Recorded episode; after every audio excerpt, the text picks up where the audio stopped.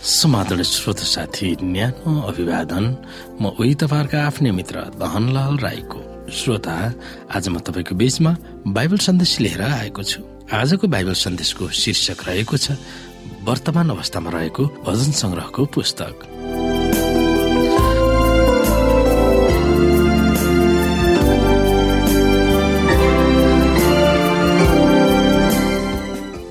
श्रोत साथी भजन संग्रहको पुस्तकमा एक सय पचासवटा भजनहरू छन्। ती भजनहरू पाँच पुस्तकहरूको समूह हो। पुस्तक नम्बर एकमा भजन संग्रहको पुस्तक एकदेखि एकचालिससम्म रहेको छ भने पुस्तक नम्बर दुईमा भजन संग्रहको पुस्तक बयालिसदेखि बहत्तरसम्म रहेको छ। त्यस्तै पुस्तक नम्बर तिनमा भजन संग्रहको पुस्तक त्रिहत्तर अध्यायदेखि उनानब्बे अध्यायहरू रहेका छन् भने पुस्तक नम्बर चारमा भजनको पुस्तक नब्बेदेखि एक सौ छ र पुस्तक नम्बर पाँचमा भजन संग्रहको पुस्तक एक सौ सातदेखि एक सौ पचास रहेको छ। बाइबलका पहिला पाँच पुस्तक वा पेन्टाटुकको समानान्तरमा भजनको पुस्तक पाँच समूहमा विभाजित गरिएको छ। यो पौराणिक यहुदी परम्परा अनुसार छ। भजन संग्रह केवल दाउदले मात्र लेखेको होइन पहिला नै रहेका केही संकलनहरू गरेका भजनहरू यसमा समावेश भएको हामी पाउँछौ। कराहिटका संकलनहरू भजन संग्रह बयालिसदेखि उन्चास चौरासी पचासी सतासी अठासी र असाफीका संकलनहरू भजन संग्रह तिहत्तरदेखि तिरासी उच्च हर्षोल्लासका गीतहरू भजन संग्रह एक सौ बिसदेखि एक सौ चौतिस र हल्लिलिया भजनहरू भजन संग्रह एक सौ एघारदेखि एक सौ अठार भजन संग्रह बहत्तरको बिसले दाउदका भजनहरूको सानो संकलनलाई औल्याउँदछ प्राय जसो भजनहरू राजा दाउद र इपु दशौं शताब्दीमा राजाहरूको समयसँग गाँसिएको भए तापनि भजन संग्रहको संकलन हामीलाई देखाएका शताब्दीहरू भरि रचिएका थिए भनेर विभाजित राजाहरूको समयमा र निर्वासन र निर्वासन पछिको कालमा अहिलेका भजनहरू साना साना संकलनहरूलाई एकै ठाउँमा राखेर एजराको नेतृत्वमा राखेका थिए भन्ने लोकप्रिय धारणा हामी पाउँछौ। नयाँ मन्दिरका सेवा कार्यहरूको स्थापनाको निम्ति ती भजनहरू एकत्रित पारेका थिए भन्न सकिन्छ। शास्त्रीहरूले भजनहरूलाई एकत्रित पारेर वर्तमान अवस्थामा रहेको भजन संग्रहको पुस्तक निकालेको भए तापनि यसको स्रष्टा परमेश्वर नै हुनुहुन्छ भन्ने कुरामा विवाद छैन। भजनका लेखकहरू जस्तै शास्त्रीहरू पनि परमेश्वर प्रति समर्पित सेवकहरू नै थिए। तिनीहरूको काम परमेश्वरबाटै निर्देशित भएको थियो। भजन संग्रहमा परमेश्वर र मानिसहरूको मिलन र स्वभावले मानव अवतार लिनुभएको यसुसँग ईश्वरीय मिलनसँग तुलना गर्न सकिन्छ। तर बाइबलमा समावेश भएका परमेश्वरले दिनुभएका सत्यहरू मानवीय भाषामा व्यक्त गरिएका हुन्। यसले ईश्वरीय मानवीय मिलनलाई प्रस्तुत गर्दछ। यो मिलन वा एकता यसुको स्वभावमा थियो।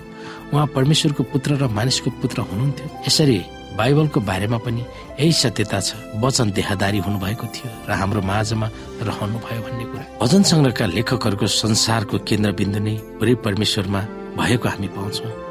हाम्रो जीवनका सम्पूर्ण अनुभवहरू परमेश्वरमा समर्पण गरेका थिए। तिनीहरूको प्रार्थना र स्थिति प्रशंसाहरू परमेश्वरमा नै अर्पित थिए। परमेश्वर सार्वभौम सृष्टिकर्ता हुनुहुन्छ। उहाँ सारा संसारका राजा र न्यायकर्ता हुनुहुन्छ। उहाँका भक्तजनहरूलाई तिनीहरूको आवश्यकता उहाँले नै उपलब्ध गराउनुहुन्छ। त्यसकारण उहाँमाथि सदाकाल भरोसा राख्न सकिन्छ। उहाँका जनहरूका शत्रुहरूले पनि यो सोध्छन्। जब परमेश्वरका जनहरू लडिरहेको बेलामा तिनीहरूको परमेश्वर कहाँ छ?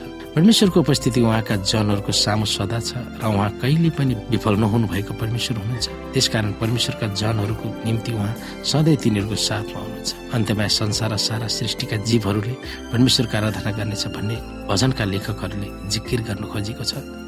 परमेश्वरमा केन्द्रित भएको जीवनको केन्द्रबिन्दु उहाँको आराधना हो। जुन आराधना वा परमेश्वरको उपासना गर्ने संस्कार भजनका लेखकहरूको समयमा थियो। आजको परिप्रेक्ष्यमा बुझ्ने भन्दा मौलिक रूपमै फरक छ। बाइबलले समयको संस्कार र संस्कृति वा सभ्यतामा प्रत्येक मानिस र समाजको जीवनको केन्द्रबिन्दु स्वभावैले परमेश्वरको आराधना गर्नु थियो। यसमा कुनै दुईमत छैन। त्यसकारण परमेश्वरका जनहरूको जीवनमा भएका असल र खराबहरूलाई व्यक्त गरिँदा आराधनाकै रूपमा गरिन्थे। परमेश्वरले भजनमा लेखेका प्रार्थनाहरू सुन्नुहुन्छ। तिनीहरू जहाँ भए तापनि परमेश्वर उहाँको आफ्नै शाश्वत समयमा जवाफ दिनुहुन्छ। परमेश्वर स्वर्गमा बस्नुहुन्छ भन्ने कुरामा भजनका लेखकहरू सजग भएका थिए। फेरि त्यसै बखत उहाँ सियोनमा बस्नुहुन्छ जुन उहाँका जनहरूको पवित्र स्थान हो। एकै समयमा परमेश्वर टाढा र नजिक सर्वव्यापी हुनुहुन्छ र उहाँको मन्दिर वा पवित्र स्थानमा पनि हुनुहुन्छ। उहाँ लुकिरहनु पनि हुन्छ र उहाँ सबैको सामु खुल्ला पनि हुनुहुन्छ। उहाँको सामु नजिक र टाढा भन्ने हुँदैन। उहाँको सर्वव्यापकता नै उहाँ सत्य परमेश्वर हुनुभएको विशेषता हो। परमेश्वरको गतिशीलताले आत्मिक जगतमा तनाव ल्याउने परिस्थितिलाई भजन सङ्ग्रहका लेखकहरूले बुझेका थिए। परमेश्वरको भलाइ र उपस्थितिप्रति तिनीहरू सजग भएकोले नै तिनीहरू जुनसुकै परिस्थितिमा गुज्राउनु परे तापनि उहाँमाथि आशा राखेर तिनीहरूले बल प्राप्त गर्न सकेका थिए भन्ने हामी पाउँछौँ। तिनीहरूलाई थाहा छ कि परमेश्वरले आफ्नै समयमा जहिले पनि हस्तक्षेप गर्नुहुनेछ भन्ने विश्वासमा भजन सङ्ग्रहका लेखकहरू पर्खिन सकेका थिए। श्रोत साथी भजनको पुस्तक एक सौ पचास कविताहरूको सङ्गालो भए तापनि यो जसरी पायो त्यसरी राखिएको सङ्गालो होइन।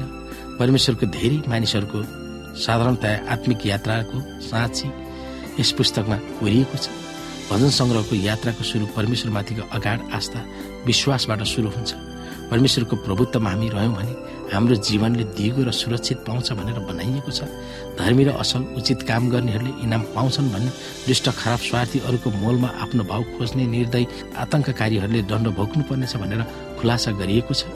जब हामी यस पुस्तकको अध्ययनमा अघि बढ्छौँ एउटा तितो सत्यलाई पनि हामी स्वीकार्न पुग्छौँ। परमेश्वरमाथि आस्था राखेर असल न्यायचित्र अरूको भलोको निम्ति व्यवस्थित रूपमा बाँच्न चाहे तापनि हामीलाई बाधा दिन ध्वस्त पार्न वा विचलित पार्न शैतान र उसका मतियारहरूले भरमग्दुर प्रयास गरिरहेका हुनेछन्।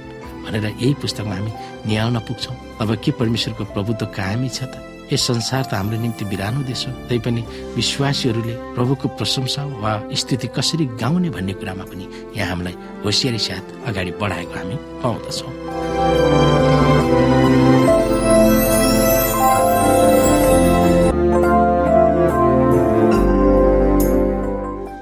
श्रोता साथी आजको लागि बाइबल सन्देश यति नै।